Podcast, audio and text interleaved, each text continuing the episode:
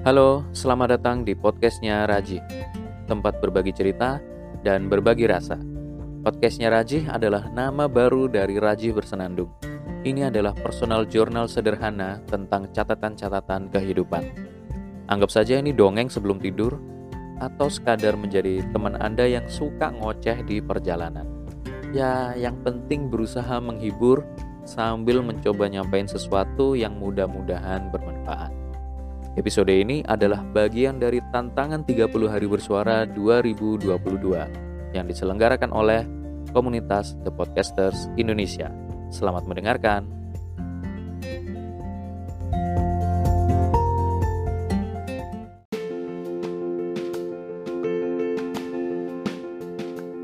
Para pendengar semuanya, pasti di antara Anda ada yang penggemar drama Korea atau mungkin drama-drama Indonesia yang di SCTV, di FTV. Pasti ada dong ya. Sama saya juga. Santai aja. Anda tidak sendirian. Saya pun juga tidak sendirian. Kita sama-sama. Cuma mungkin agak boring. Biar ada variasi, saya ingin menyarankan Anda beberapa drama-drama tapi mungkin versi bahasa lain. Yang berbahasa Inggris, ini saya saranin coba cari di YouTube ada yang namanya Darman Studio atau Darman. Cari aja Darman gitu. Tulisannya D H A R R spasi M A N N Darman. Darman ini adalah influencer di Amerika. Uh, influencer berkebangsaan Amerika ya kalau nggak salah. Dia bikin video-video drama yang isinya pasti ada pesan tertentu. Misalkan don't judge a book by its cover. Apalagi ya What goes around comes around. What goes around comes around. Apalagi ya? Macam-macam lah. Dramanya itu dibikin sedemikian rupa, nggak perlu lama-lama juga durasinya. Sekitar mungkin 20 menit, 15 menit, 10 menit ada. Dan bentuk drama-dramanya itu sangat variatif. Jalan ceritanya beragam pokoknya, tapi ya memang intinya sama lah ingin membawa sebuah pesan. Kayak misalkan ada salah satu drama yang dibuat Darman, durasinya mungkin nggak sampai 20 menit, nanti coba dicek, tentang Mr. Fish. Ini plesetan dari Mr. Beast, tapi ini pakai F, Mr. Fish. Mr. Fish ini anak-anak muda, maksudnya dia si Mr. Fish ini satu orang influencer dengan timnya anak-anak muda. Ada yang bagian ngevlog, ada yang bagian ngeramein, beberapa orang gitulah. Si Mr. Fish ini ngevlog kemudian dia berencana memborong PS PS5 di sebuah toko. Nah, si penjaga toko nganggapnya ini anak-anak kecil main-main aja nih. Dia karena orang konservatif ngelihat ada anak-anak muda masuk toko seru-seruan di depan kamera, dia akhirnya ngamuk. Eh, itu kamera matiin.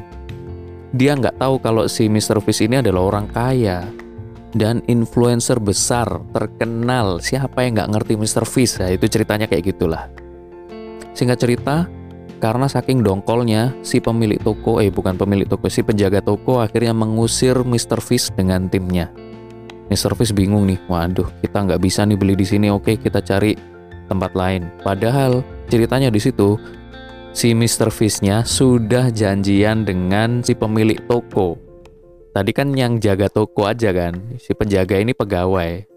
Lah sedangkan si pemilik toko itu sebenarnya sudah janjian sama Mr. Fish, oke monggo datang ke toko saya, silahkan ngevlog di sana, sekalian Anda borong monggo gak apa-apa. Eh ini sama si penjaga toko malah si Mr. Fish-nya diusir karena si penjaga toko berasumsi ini anak-anak kecil cuma main-main aja di toko, bisa jadi mungkin ngerusak barang-barang yang harusnya toko itu menerima keuntungan besar pada hari itu gagal, gak jadi. Gara-gara si penjaga tokonya asumtif, asumsinya juga negatif juga. Soalnya ada salah satu adegan di situ di dramanya, Mr. Fish menunjukkan kartunya, kartu gesek, kartu debit. Ada tulisannya Mr. Fish. Si penjaga tokonya ngeremehin, deh, kamu mau main-main? Karena ini di dikiranya ini cuma mainan gitu loh kartunya. Toko ini nggak menerima mainan. Kalian anak-anak kecil padahal ya anak-anak muda remaja gitulah. Dianggapnya masih anak kecil gitu. Karena si yang jaga toko itu orang tua memang makanya konservatif kan dia sifatnya. Terus pokoknya diusir lah akhirnya.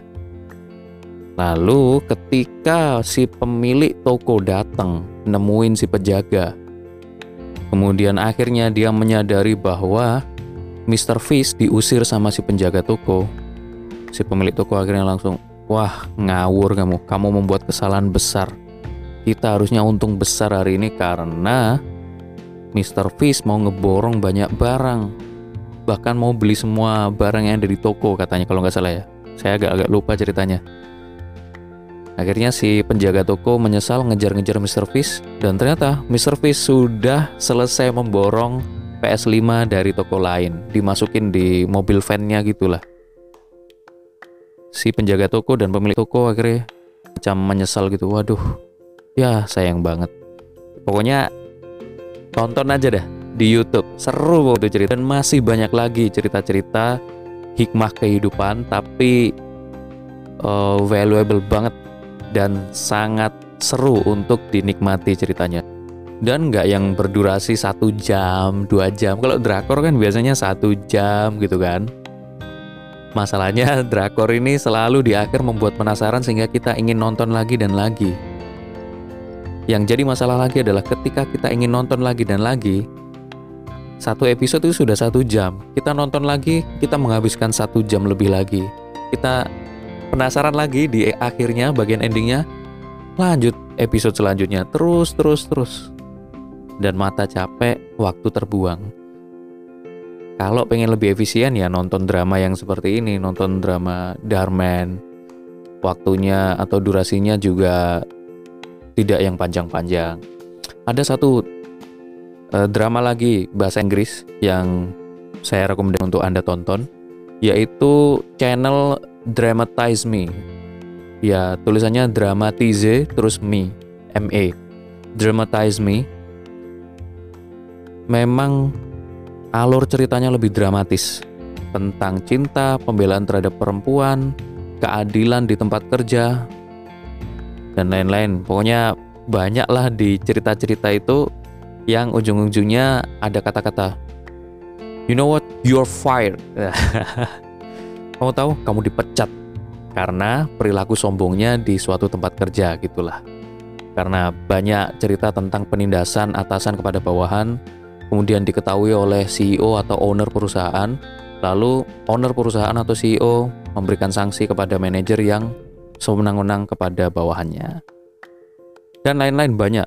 Pokoknya sangat mendramatisir diskriminasi, misalkan cerita tentang diskriminasi perempuan dengan ras tertentu atau diskriminasi kepada difabel. Itu ada juga banyak. Pokoknya bagus itu, Dramatize Me. Durasinya juga mirip-mirip seperti videonya Darman. Itu ya. Kemudian drama-drama yang lain itu ada di sosial media yang Anda bisa temui. Kalau Anda punya TikTok atau Instagram, Anda bisa menemui drama-drama yang diproduksi oleh influencer-influencer lokal. Yang sering saya temui itu influencer-influencer dari Bali. Videonya seperti video ini salah satu influencernya itu adalah Wak Geng Boy Coba cari aja Wak King Boy. Tapi sekarang Wak King Boy sudah gak aktif. Videonya tuh bagus. Dia kan orang Batak tapi ikut manajemen yang ada di Bali gitu. Manajemen sosial media mungkin ya. Lalu memproduksi video-video drama untuk di share di sosial media, baik TikTok maupun Instagram. Kemudian dia memerankan perannya dengan sangat baik di sana dengan aksen Bataknya, kemudian profilnya yaitu driver ojek, ojek online, tapi tidak sombong dan duitnya banyak. uh, selain Wak Gengboy, Wak Gengboy sudah diganti dengan si Jojo sekarang. Selain Wak Gengboy itu ada uh, Lady Queen, My Lady Queen, ada Baby Mei Mei, ada Madam Sonia, ada ini David Surjana. Yang pertama kali saya tahu itu David Surjana. David Surjana, kalau nggak salah namanya gitulah. Dav Surj. D A V S O R J. Cari aja di TikTok kalau nggak Instagram ada kontennya Dav. Dia kalau misalkan uh, di akhir video gitu setelah dia melakukan kebaikan dia langsung uh, tangannya dua-duanya diangkat gitu hmm. sambil senyum itu semacam tanda apa ya savage gitu lah tapi savage dengan modelnya sendiri dan ciri khasnya video-video influencer yang influencer lokal ini yang di Bali ini ya kayak gitu semuanya di akhir itu ada aksi savage-nya mereka cuma mereka punya modelnya sendiri-sendiri gitu menarik Coba cek aja. Atau mungkin namanya itu bukan Surjana tapi Suryana ya. Gak ngerti lah. Pokoknya tulisannya Soer J A N A. Lalu ada juga Sang Robi. Ada juga Mak Rungsing, Olive to the Sky. Apalagi? Always Sheila. Cinderella. Macam-macam. Talentnya banyak dan mereka semacam benar-benar di manage dengan baik gitu loh. Orang-orang ini punya konten masing-masing dengan sosial media masing-masing plus punya karakter masing-masing. Sehingga di jalan ceritanya mereka menjadi tokoh utama di sosial media mereka masing-masing. Itu seru banget. Coba di banyak video-videonya dan seru-seru. Dan juga durasinya tidak yang lama-lama. Satu menit. Atau mungkin durasinya agak lama kemudian dipotong-potong. Dipotong sesuai dengan durasi kalau misalkan di TikTok mungkin 60 menit eh 60 detik ya. Kemudian kalau durasinya lebih ya lanjut di part 2 gitu. pokoknya coba cek deh coba cek. Bagus-bagus. Mungkin juga daerah-daerah lain ada. Baru-baru ini saya nemu namanya Mr. Daniel Daniel Wille apa ya lupa. Ini influencer Batam dan ada manajemennya juga. Satu manajemen ada beberapa talent. Nah, setiap talent ini punya konten masing-masing. Gokil. Ini Batam. Nah, bagaimana dengan daerah-daerah yang lain? Monggo dibuat, silahkan. Nah, sebenarnya yang kayak gini-gini tuh sudah ada di YouTube dan para youtuber-youtuber Indonesia kita yang waktu itu lagi ngetren-ngetrennya youtuber-youtuber generasi pertama lah. Mereka itu juga bikin yang kayak gini drama-drama. Bayu Skak bikin dengan effort banget dia sendirian. Maksudnya di situ yang memerankan ya dia sendiri. Dia sebagai Bayu uh, satunya lagi sebagai Wak Sunari satunya lagi sebagai siapa gitu. Gokil. Sehingga dalam satu frame kita menemukan dua orang dua orang Bayu itu sangat memungkinkan Lalu ada juga nih Chandra Leo, Reza Arab, terus ditemenin sama uh, Tommy Lim, Cia Nikolai, mungkin juga teman-teman youtuber yang lain bikin drama juga. Cari aja dramanya. Drama ini nggak yang perlu panjang-panjang, durasinya mungkin 20 menit, tapi ceritanya seru ada komedi-komedinya nyelip-nyelip di channel YouTube-nya Chandra Leo tuh, bagus tuh. Tim tuan ada. Nah bahkan Raditya Dika juga bikin bikinnya bikin malam minggu Miko kan itu. Itu adalah karya yang cukup fenomenal. Semua orang pasti tahu malam minggu Miko produksi Raditya Dika. Mungkin begitu. Anda bisa mencobanya nonton pas lagi bosen untuk refreshing atau pas Anda lagi makan pengen sambil nonton, nonton rekomendasi-rekomendasi saya tadi. Boleh banget. Bisa dicoba. Biar Anda tidak terpaku pada drakor-drakor saja. Oh, sama satu lagi. Anda kalau pengen dapat drama atau sinetron yang mungkin berhikmah ya, punya nilai-nilai positif dan religius, mungkin coba beralih dari FTV ke sinetron-sinetron religius kayak Lorong Waktu, Para Pencari Tuhan, berapa jilid tuh? Sekarang jilid 16 ini memproduksi nih. Gokil kan? Kayaknya bisa diakses di video.com atau di YouTube juga ada banyak. Anda bisa coba nonton yang seperti itu. Biar bervariatif. Baiklah, selamat mencoba untuk menonton. Terima kasih, sampai jumpa di episode berikutnya.